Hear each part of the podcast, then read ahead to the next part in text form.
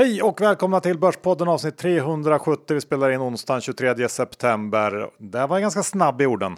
Ja, det var det. Lite eh, ovanligt för Arvika Johan. Ja.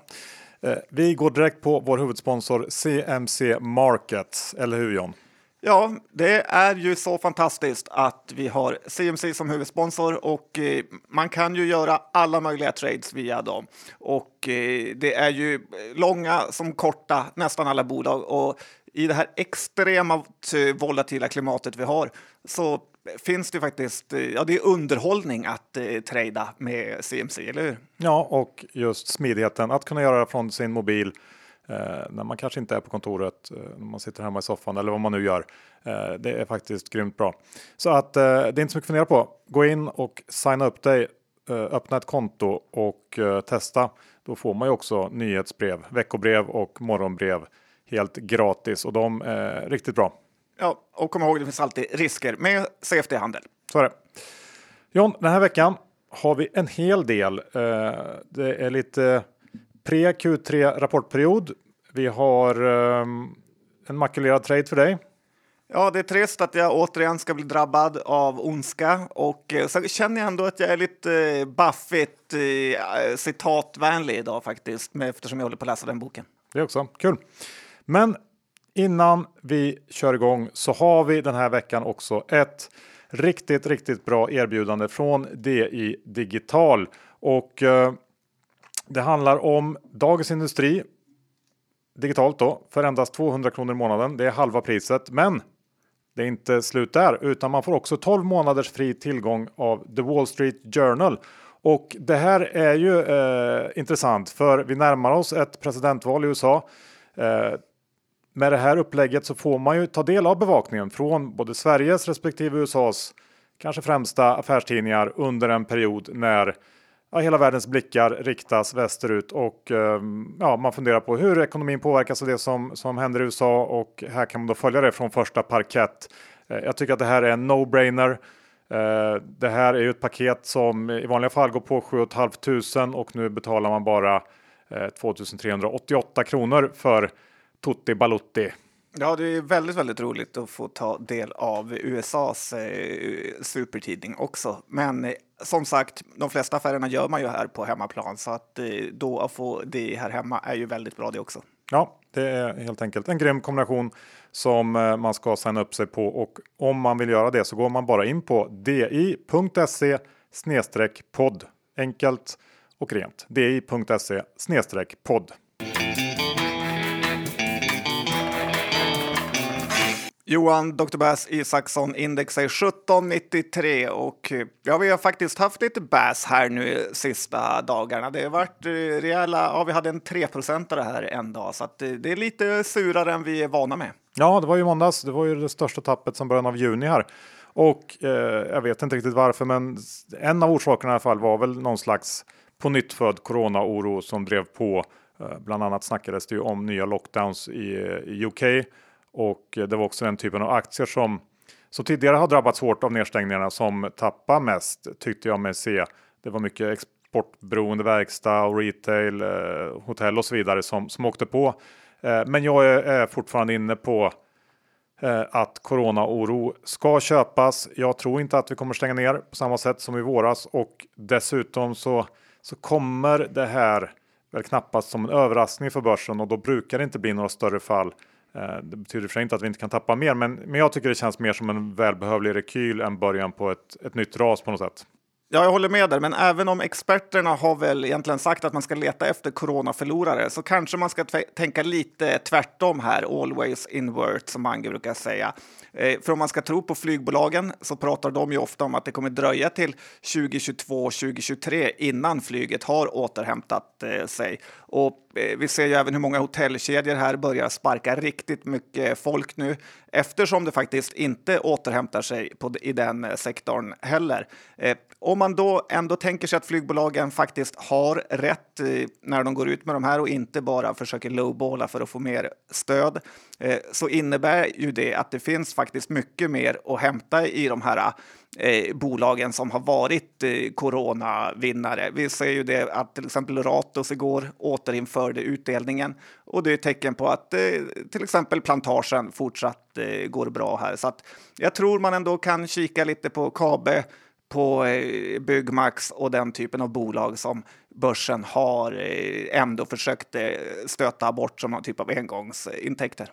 Ja, men det är möjligt att, att du har rätt där. Jag har också varit inne på att, att det kanske är lite för mycket engångsintäkter, men man kanske är för tidig med, med de här bolagen att avfärda dem än. Det finns kanske mer krut där och det Eh, om vi tittar på, på pre-Q3 rapportperioden som jag valt att kalla den så, så har ju den börjat bra. Vi har fått ganska många omvända vinstvarningar, bland annat från eh, sektorer som, som du var inne på där. Och um, jag tänkte gå igenom ett gäng av de här bolagen senare, men, men jag tycker att det tyder på att vi kommer få en ganska stark rapportperiod också, eh, som det ser ut så här långt. Ja, det verkar också som att Kina har kommit igång betydligt bättre än vad man verkar se här. Och vi har ju faktiskt inte hört mycket newsflow om negativa coronanyheter därifrån. Nej, det stämmer. Det är en av takeawaysen från alla omvända vinstvarningar. Ja, men om jag tänker ändå på Q3 här så har ju ändå många analyshus, om man får kalla det så, det är inte så fint, men de vill gärna bli kallade det själva.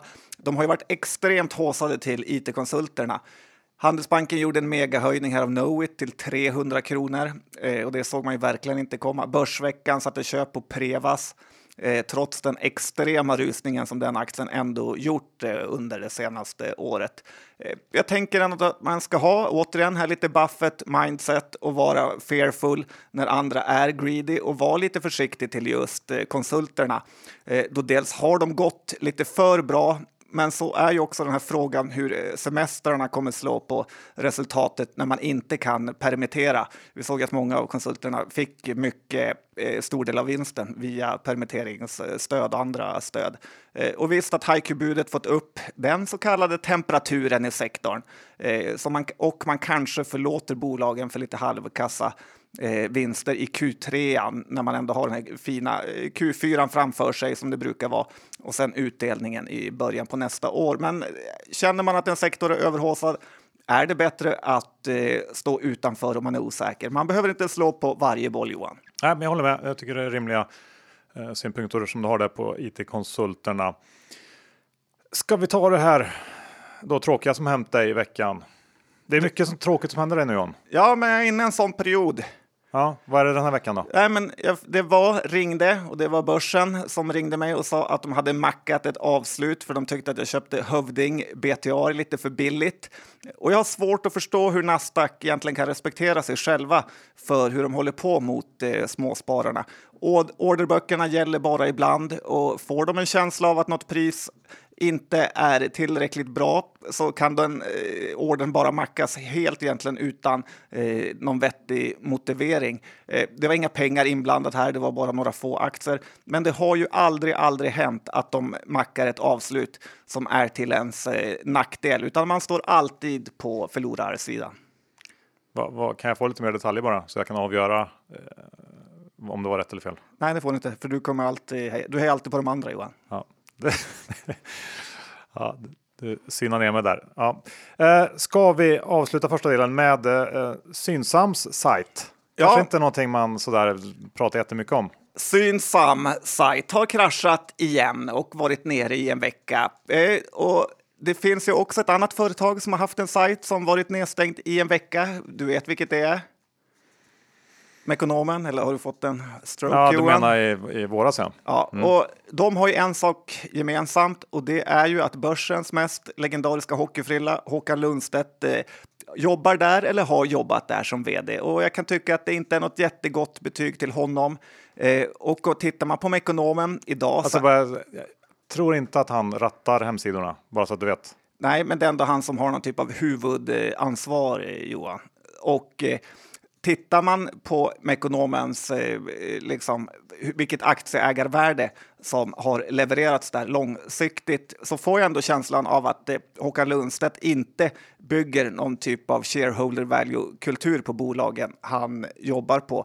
Så att jag om Synsam, som det snackas om, ska komma in på börsen så har jag faktiskt en ganska så stor säljrek utan att ens titta på siffrorna där. Ja, jag tycker det känns helt fel och, och orättvist och tråkigt. Erika från Lendify, välkommen till Börspodden. Tack snälla. Hur ser det ut nu för spararna på Lendify? Vilken avkastning har man haft? Ja, per den sista juli så var den genomsnittliga årsavkastningen 5,31 procent efter avgifter och, och kreditförluster. Eh, så det är ju en stabil och jämn avkastning över tid. Det har ju ni också sett antar jag? Ja, verkligen. Jag var inne och kollade på vårt konto nu och vi ligger faktiskt lite över den med 5,8 procent och eh, mycket för att eh, vi har valt långa löptider på våra lån. För det kan man säga att, att, att möjligheten att få kapitalet i arbete snabbt och att få en högre avkastning det är ju väldigt beroende på också löptiden. Så Autoinvest lång genererar i genomsnitt en högre avkastning än Autoinvest kort och du får pengarna i arbetet fortare. Ja, men då har jag gjort rätt. Yes, som alltid, eller? det var första personen som sa det.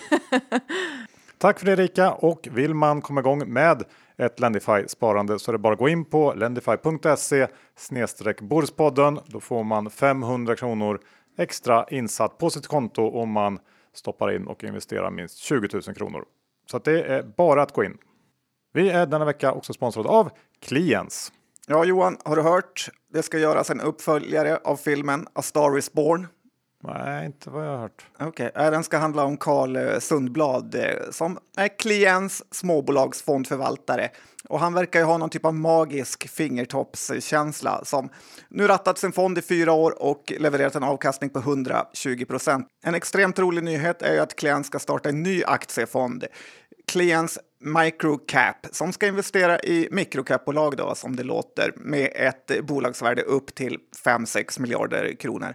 Karl har utlovat att behålla samma investerarstil och den här fonden går nu att köpa via Avanza Nordnet eller via Klients eh, hemsida och där kan man också signa upp sig på deras eh, nyhetsbrev.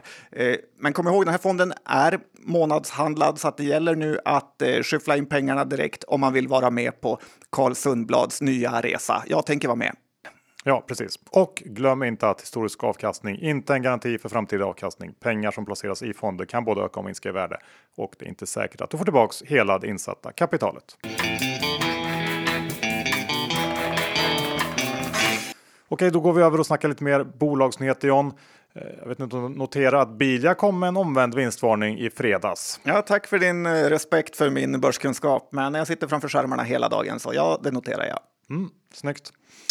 Eh, och om vi bara lite snabbt ska, ska, titta på vad de sa så spår ju Bilia nu att rörelseresultatet i Q3 eh, kommer uppgå till någonstans 340-360 miljoner och det är upp från 280 eh, miljoner under samma period i fjol.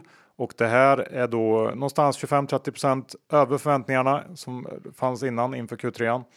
Eh, Bilia säger att det är en fortsatt stark efterfrågan på begagnade bilar och service som ligger bakom den här utvecklingen och eh, Sen är det också så att vi är fortsatt är i ett läge med en åldrande bilpark och många som inte vill åka kollektivt. Det leder till fler, fler körda mil och kanske eh, mil som också sliter lite mer på bilarna eh, och ett ökat servicebehov. Eh, jag har ju själv eh, faktiskt köpt på mig Mekonomen igen efter den här vinstvarningen för att det är samma drivkrafter i mångt och mycket som ligger bakom och eh, Bilias och Mekonomens resultat har också en väldigt stark korrelation om man tittar bakåt i tiden och, och mm, Mekonomen är faktiskt ner en del sen Bilias eh, positiva besked så att eh, jag tror att det finns goda chanser att även eh, Mecko kommer in bättre än väntat här i Q3 och eh, tycker att det känns som en, en intressant trade på de här nivåerna. Ja, men jag håller faktiskt med dig också. Köpt lite Mekonomen, även om det hittills inte varit eh, någon bra affär. Det jag tänker, som jag tycker är lite konstigt och eh, det man inte läst någonting om, är ju att eh, Mats Kviberg köpte över 40 000 aktier i Bilia och tio dagar senare så gör Bilia en omvänd eh, vinstvarning. Eh, jag tycker att mainstream media här är lite kuvade och inte ens vågar nämna det här. Så att återigen får storfinansen göra lite grann som de vill på den här bolagsarenan när man själv inte ens får köpa lite billiga hövding BTR. Mm. Å andra sidan så när det kommer en omvänd vinstvarning på det här sättet så är det ju på grund av att det precis är att man har liksom på något sätt samlat ihop uppgifterna och ser vart det barkar. Det känns ändå som att det inte behöver finnas någonting lurt med att han köpte tio dagar innan. Du kommer inte få något jobb inom storfinansen det- Johan, även fast du alltid skyddar dem. Det var inte så Cherrys vd det hände för honom när han hamnade i Jag den bara här säger, jag bara säger. Okej, Jag ja. tycker inte att det håller. nej, men eh, det kanske inte rätt göra heller. alltså ingen- Och det är det de utnyttjar. Inget som har kommit med det här avsnittet håller John, utan det får komma bättre grejer. Jag ska starta en egen podd. Mm, gör Det det. kommer gå mycket bättre än den här. Eh, då, då, då ska vi ta någonting som du vill prata om då? Ja, men det kan vi göra. Det Något vore som kul för liksom- en gångs skull. Tänkt igenom ordentligt. Ja, berätta. Um, Vad vill du men ska höra? vi ta ett någon slags Lundbergs svep? Du är ju lite av Börspoddens Lundberg Hater. granskare på något Ja, sätt. faktiskt. Ingen annan verkar göra det. Men det börjar ju, om vi tittar på ett av de större innehaven där, huvudstaden, så börjar ju det faktiskt kännas som ett lite pinsamt skött eh, bolag. Hur det krävdes en massa artiklar i tidningarna, främst det är då innan ledningen skulle börja köpa lite, lite aktier, eh, när de i princip innan hade ingenting. Den här vdn, Ivo Stoppner, lite eh, ovanligt namn får man väl ändå tycka. Eh, som Ganska ovanligt. det, det håller du med om i alla fall. Ja. Kul. Eh, men han var ju utbränd tidigare, klippte till med att köpa 3000 aktier. Eh, och jag tycker att det här hela fiaskot i huvudstaden spiller ju över lite på Lundberg som ändå av någon konstig anledning hyllas av många för att han är någon typ av superinvesterare. Men eh, om man tittar på bolagen så kan man ju fråga sig hur det står till egentligen. Handelsbanken är ju väl den bank eh, som han förknippas med och äger mycket i, men den ligger väl mest på efterkälken vad gäller digitalisering. Eh, Mattias Svensson på Kiel hade en kul tweet som jag såg han skrev där det stod Vad är Handelsbanken utan sina kontor? Och svaret var då som alla andra banker fast eh, sämre. Det var lite kul. Ja. Eh, sen har vi Skanska där aktiekursen knappt rört sig på fem år. Och eh, det börjar väl också kännas att de ligger också lite på efterkälken vad gäller digitaliseringen här. Den all nya tekniken inom BIM, 3D-printing av bostäder. Och jag har väl ändå känslan av att Lundberg inte har pushat eh, och gjort Skanska till ett eh, liksom, eh, Eh, digitaliseringsbolag här. Eh, så att det är en liten triss i svartepettrar som eh, man kollar på. Och då tittar man på liksom huvudbolaget som är Industrivärden så är ju det det investmentbolag som har gått allra sämst på börsen då om man tar bort eh, Ratos. Så att eh, Lundberg har nog faktiskt gjort sitt eh, som investerare. Eh, som en liten kille i en fuktskadad källare i och för sig. Men ändå Johan, jag har ju vissa poänger. Det får du ändå ge mig. ja, men det tycker jag. Jag tycker absolut du har poänger. Och jag menar, liksom, alla riken ska ju fall- falla förr eller senare. Så att det kanske är dags för Lundbergs rika nu. Ja, eller att de behöver lite mo- modernare ledning. Så kan det också vara. Ehm, vi går över till, jag tänkte fortsätta min omvända vinstvarningsrapportering eh, rapportering, eh, med Kesko. Ja, du gillar Finland. Ja, ja, och eh, de gick ut i veckan här och höjde sin prognos och det var främst drivet av starkare försäljning inom deras bygghandelsdel. Lite mm, i linje med vad du var inne på här tidigare och eh, där justerar de upp ebit-prognosen för helåret till intervallet 510-570 miljoner euro. Tidigare låg man på 430 till 510 och eh, tittar man på de prognoser som fanns i marknaden inför så hamnar man ungefär 10 över dem om man lägger sig i mitten av det här nya intervallet och det är väl ändå eh, rätt bra givet att det finns mycket annat också i Casco. Eh, och jag såg också att igår så gick ju brittiska hemmafixarkedjan eh, Kingfisher eh, eh, bra på börsen för de kom med starka siffror när de släppte sin halvårsrapport. Eh, även om utvecklingen i, i Q3 så här långt eh, varit svagare än under Q2. Men som, som jag sa så är det möjligt att jag varit lite snabb med att avfärda alla de här byggrelaterade coronavinnarna. Eh, även om jag är osäker på om man verkligen ska belöna aktierna så mycket mer. Givet att 2021 ändå antagligen kommer att innebära vinstnedgång för många bolag i den här sektorn. Men eh, det verkar ju som att det flyter på bra eh, vidare efter sommaren också. Ja, men jag tycker att det resonemanget låter rimligt och det är möjligt att börsen blir för negativ ett tag till de här eh, lågvärderade kedjorna. Men ja, jag är på, positiv till dem. Mm. Och eh, jag kan väl ändå riva av två till som har kommit med, med omvända vinstvarningar när jag ändå håller på. Jag tänkte först ut Carlsberg.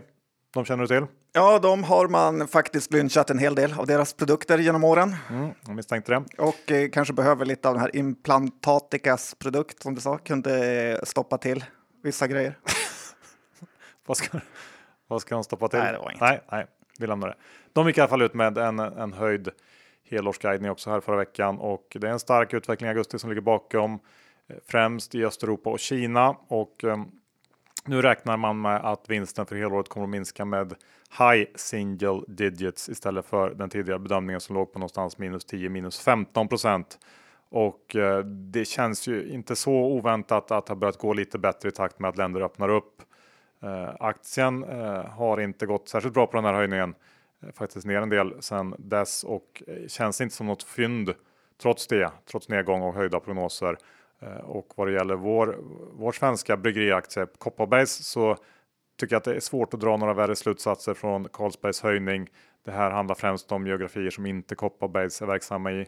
I alla fall inte i någon större utsträckning vad jag vet. Och um, dessutom så har ju Carlsberg en, en, helt annan återhämtningsresa att göra som Kopparbergs inte alls har på samma sätt. Och tittar man på egentligen alla stora noterade bryggerier så har de noterat omsättningstapp runt 15-20% under första halvåret eh, och ännu större resultattapp. Eh, och det gör ju eh, Kopparbergs då som växte 20% till lite av en udda fågel i branschen så att man ska nog vara försiktig med att extrapolera de här höjningarna till Carlsbergs eller till Kopparbergs just nu i alla fall. Ja, men det är det som är lite läskigt med de här äh, mega multinationella bryggerierna, att det är så många olika marknader som är omöjliga att hålla koll på. Då gillar man ändå Kopparbergs lite mer rena play. Mm.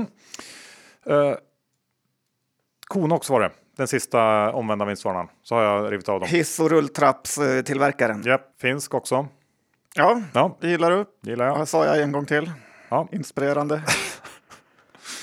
Eh, de höjde också då sin 2020-prognos som så många andra har gjort då den här veckan. Eh, både omsättning och resultat ska nu väntas bli starkare nu i, än väntat i Q3 drivet av hög aktivitet i just Kina. Hög aktivitet på nyförsäljningssidan eh, och också förbättrat momentum i serviceaffären säger de. Det gissar jag är mer globalt. Och nu tror Kona att tillväxten för helåret kommer att landa någonstans minus 1 till plus 1 plus 2 procent. Och tidigare så snackar man om minus 4 till, till oförändrad så att det är inga jätteskillnader men ändå går stadigt åt rätt håll. Skruvar också upp marginalprognosen något på helåret och eh, nu tror man också att, att den kinesiska marknaden ska gå bättre. Den prognosen eh, skruvas upp. Eh, och igen, som du var inne på John, du tog mycket av det jag skulle säga i början. Kinas styrka känns som ett genomgående Det är därför tema. jag ska starta en egen podd, Johan. Känns som ett genomgående tema på slutet för många bolag och det är väl också lite i linje med först in först ut ur pandemitänket. Eh, inte så konstigt om man om man liksom funderar en stund på det. Nej, det är väl lite irriterande också att det är Kina som har startat det här. Eller man förstår att Trump har någon poäng i när han eldar upp och retar upp folket. Men jag kallar det the China virus. Yes, eh, vi går över till eh, möjligheten att Amazon säkrar sin portfölj. För det är någonting du har tittat på nu när Amazon gör inträde i Sverige. Ja, men det har varit en hel del artiklar om hur extremt bra det här är för eh, Eskilstuna framför allt, där de ska ha sitt megalager. Eh, men jag tycker man ska tänka tillbaka och eh, faktiskt inte underskatta, även om sådana som du och andra tycker att Amazons hemsida är jätteful. Men man ska inte underskatta vilken impact det här kan göra på lite längre sikt. Och då kan det vara bra att eh, ja, vad ska jag säga, big tech eller Amazon säkra portföljen för att undvika eh, just de aktierna som verkligen eh, konkurrerar mot dem. Då de faktiskt är som en liten slottermaskin mot de här bolagen som, eh, och gör ner allt i sin omgivning som eh, fightas mot dem. Vi kommer ihåg Johan, Eniro, som det snackades var ett värdecase på gamla goda där man pratade om att ändå kommer den här lokala hantverkaren vilja ligga kvar i eh, någon sån här katalog och att det delas Gula ut. sidorna. Ja, precis. Att det aldrig kommer försvinna. Men Google har ju förintat dem. Vi har ju Tradedoubler eh, förintades. Eh, trots att de ändå eh, låg. Vi har ju telefonoperatörerna har inte rört sig på en lång period och mer och mer trafik går via data och WhatsApp och Facebook. Och sen eh, retail-döden är väl kanske inte techjättarnas fel ändå helt, men ändå att internet blivit så bra nu att eh, man ändå ska tänka efter en gång till ah, om man har faktiskt eh, eh big tech-säkrat sin portfölj här. Och ja, använda Buffett-ord som jag har gjort det här avsnittet eh, lite till en grej. Man ska kolla vilka vallgravar de faktiskt har. För en sak som man tittar, även liksom höjer blicken lite, är ju hur den här nätmäklaren Robin Hood, alltså gratismäklaren i USA, som väl ägs till stor del av Google, va? om jag har, kommer ihåg rätt, har gjort att eh, USAs Avanza, som heter Charles Schwab, har börjat gå riktigt dåligt. Och ja, det är ett tecken tycker jag på att allt de ger sig på eh, börjar eh, en långsam eh, resa neråt. Ja, såklart har du poänger i det. Eh, jag håller helt med dig och jag tror på lång sikt så är det ett rejält hot för många bolag menar mer lite grann på kort sikt så tror jag på något års sikt så tror jag inte att det kommer att märkas så mycket. Men ja, om de verkligen satsar och bestämmer sig för det och får till en bra tjänst med snabba leveranser och, så vidare som det ser ut i USA så finns det ju stora hot såklart. Ja, men ska vi prata lite leveransbolag Johan, för det är ändå kul. Ja. Det är ju faktiskt uppsnacket börjar här inför julhandeln och Cyber Monday och idag såg jag att Walmart eh, var ute och meddelade att de ska eh, anställa 20 000 personer bara för att packa inför julhandeln. Så att, eh, då är det värt att titta på de här eh, bolagen som faktiskt ska skeppa ut eh, varorna.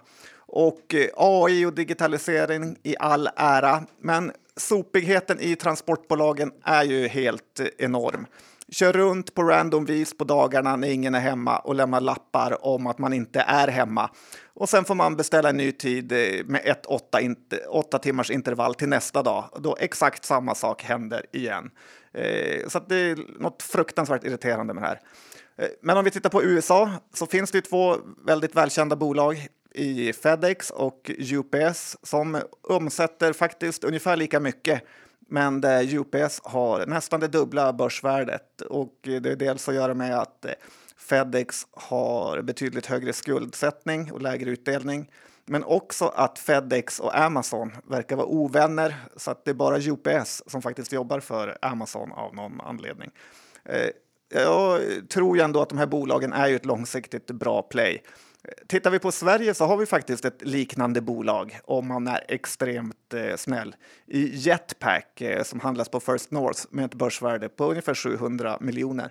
Eh, tyvärr verkar det vara så att Jetpack istället har drabbats väldigt negativt av eh, den här krisen då man är för små för att ha liksom egna flygplan och eh, lastbilar och allt vad de har.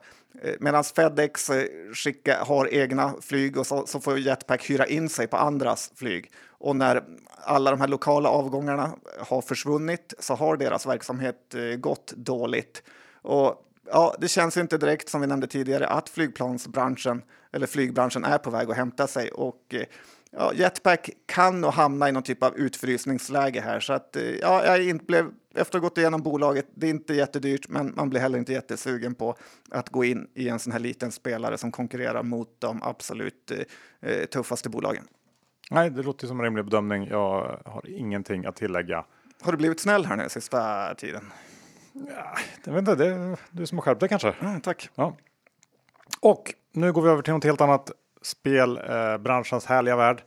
Eh, jag tänkte ta upp en grej jag läste i veckans nummer av Affärsvärlden och eh, deras skvallerspalt Börsgolvet. Och där stod det följande och jag kan läsa liksom eh, citera här.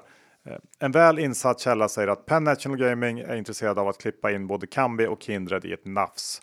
De är båda två starka i USA och man kan inte ta den ena utan den andra på grund av det poison pill som skyddar främst Kambi från utköp. Ja, ehm, det är klart att, att eh, förutom den här uppenbara kopplingen som vi har mellan Kambi och Penn, där ju Kambi står för sportboken, så signade ju också Kindred och Penn ett tioårsavtal för några veckor sedan som ger Kindred tillgång till marknaderna i Ohio och Illinois. Och ja, det finns ju helt klart uppenbara kopplingar. Bolagen verkar gilla varandra. Jag gissar också att aktiemarknaden i USA skulle gilla en sån här manöver av Penn. Men eh, det som talar emot det här ryktet är väl att det skulle bli ett rejält förvärv för Penn som i dagsläget har ett market cap på 10 miljarder dollar. Det är ju då efter att de har 20-dubblats sedan marsbotten eh, och en stor del av det här market capet bygger på framtida online förhoppningar eh, samtidigt som man faktiskt trots allt har massor av fysiska kasinon som går mindre bra och en balansräkning som inte är jättestark eh, om man är snäll. Och Kambi och Kindred tillsammans har ju idag ett börsvärde på en bit över 20 miljarder. Så med en budpremie så blir det väldigt mycket pengar för penn. Eh, dessutom så har mm, ju både Kambi och Kindred, kanske främst Kambi i dagsläget, möjligheten att notera sig i USA. Där värdering, värderingarna är, ja de är ju sinnessjuka just nu och eh, i den här sektorn och det, kortsiktigt skulle antagligen det ge mer än vad ett bud skulle kunna ge. Om man nu är intresserad av det. Så att jag är tveksam till det här ryktet. Ehm, Även om eh, så, inget såklart är omöjligt på börsen, men jag tycker inte det känns rimligt. Nej, men det låter väl som att de kanske måste köpa med egna aktier eller något eh, sånt och det tror jag inte Kambi-ägarna eller eh, vi är så sugna på just efter den här 20-dubblingen som Penn har gjort. Allt kan hända, men som vanligt är det svårt att spekulera i bud. Ja, så är det. Vet du förresten varför eh, grenspecialisten eller Martin Gren aldrig investerar i spelbolag, Johan? Nej. Han är trött på att bli kallad Mr Green. ja. Det höjer mig hela tiden. den, eh, den var bra. Ska vi avsluta med ett bolag jag inte tror att vi har pratat om någon gång i poddens historia. Det är ju det här, eh, vad ska man säga, försäkringsinnovatörsbolaget inom bilbranschen, va? Greater Than. Ja, faktiskt. Och det är ju en av Keel Capitals med den här Mattias Svensson som vi pratat om, eh, ett av hans favoritbolag. Och eh, han skrev kanske en av de håsigaste tweetarna jag någonsin läst här. Eh, att han varit tidig investerare i både Fortnox och Kambi, men aldrig någonsin sett så mycket potential i ett bolag som han har gjort i Greater Than som då är väl något typ, du får hjälpa mig här Johan, för det är inte helt enkelt, men något typ av AI-bolag för att hjälpa försäkringsbolag att sätta pris på försäkringar genom att ha en programvara installerad i bilen som då kan läsa av vad man har för typ av eh, körstil eller är för typ av chaufför eh, vilka tidpunkter man kör och var man kör. Ungefär som att Johan Isaksson kör genom Brommarondellen varje dag i rusningstrafik och eh, då ska han betala Satan Perkel i försäkring. Medan eh, John Skogman kör till Umeå på dagtid och då ska det vara nästan gratis eh, kan man tycka. Det är ju såklart mycket mer komplicerat än så, men give or take som vi brukar säga. Det här bolaget är värderat till en miljard och har ju bara några få miljoner i intäkter så att det är ju verkligen ett förhoppningsbolag. Eh, dessutom bara 22 miljoner i kassan och eh, åt det förlustdrivande hållet här så att en nyemission av något slag är nog inte helt eh, uteslutet. Men med tanke på hur andra sådana här lite hypade bilaktier gått, typ uh, Smart Eye, så tycker jag ändå att man ska hålla ögonen öppna på Greater Than. Även om jag inte är lika säker som Mattias Svensson på att det här är det nya guldet. Ja, men jag tycker också det verkar vara ett spännande bolag. Jag har inte eh, tagit mig tid att eh, undersöka det närmare, vilket man kanske borde ändå. Eh, när eh, han kommer med så starka ord. Så att det får jag väl lägga på läxhögen kommande veckor att titta lite närmare på Greater Than. Slut på avsnitt 370. Vi tackar vår huvudsponsor CMC Markets. Gå in och öppna konto om ni inte redan har gjort det och ta del av alla möjligheter som erbjuds. Och missa för guds skull inte erbjudandet vi har från DI Digital Eh, förutom då eh, grunderbjudandet som är bra med 50% rabatt på det digitalt, det vill säga 200 kronor i månaden, så får man utöver det fri digital tillgång av The Wall Street Journal i 12 månader. Ordinarie pris på det här paketet är 7 500. Nu med alla rabatter blir det bara 2388 kronor. En no-brainer, eller hur John? Ja, men det är fantastiskt att kunna få svensk, läsa om svenska och amerikanska marknaden på de två bästa tidningarna. Ja, speciellt nu också när valet närmar sig. Så gå in på di.se podd och signa upp er. Och John, Lendify ska man ju eh, absolut ha som ett komplement till sin aktieportfölj. Vill man testa det här går man bara in på lendify.se Börspodden för då får man 500 kronor extra om man stoppar in och investerar minst 20 000 kronor. Ibland är allt eh, så lätt. Så lätt, så lätt. Och sist men inte minst John, Kliens. De är på gång med en ny fond av den eh, belönte förvaltaren, prisbelönte Karl. Sundblad. Ja. Han är ju ja, en riktig stjärna och man ska ta rygg på sådana killar. Har man det i blodet eh, så har man det. Och jag tycker verkligen att eh, man ska eh, läsa mer på deras hemsida och eh, ta del av informationen som finns om den här fonden. För eh, den kommer bli intressant och omskriven. Så är det, men kom ihåg att historisk avkastning inte är någon garanti för framtida avkastning och pengar som placeras i fonder kan både öka och minska i värde. Det är inte säkert att du får tillbaks hela det insatta kapitalet. Eh, John, hur är det med innehav den här veckan? Ja, men det var väl en hel del faktiskt. Det var ju då så att vi hade Mekonomen Check, och Kopparbergs check, och sen Kambi. ha, Kambi och Kindred har jag eh, också faktiskt. Jag har inte Kindred, men jag har de andra. Eh, men det var nog det, va? Det var det. Det Bra. var det hela. Gött, gött. Eh, då får vi tacka eh, er kära lyssnare för att ni lyssnar den här veckan också. Vi hörs om en vecka igen. Det gör vi. Hej då!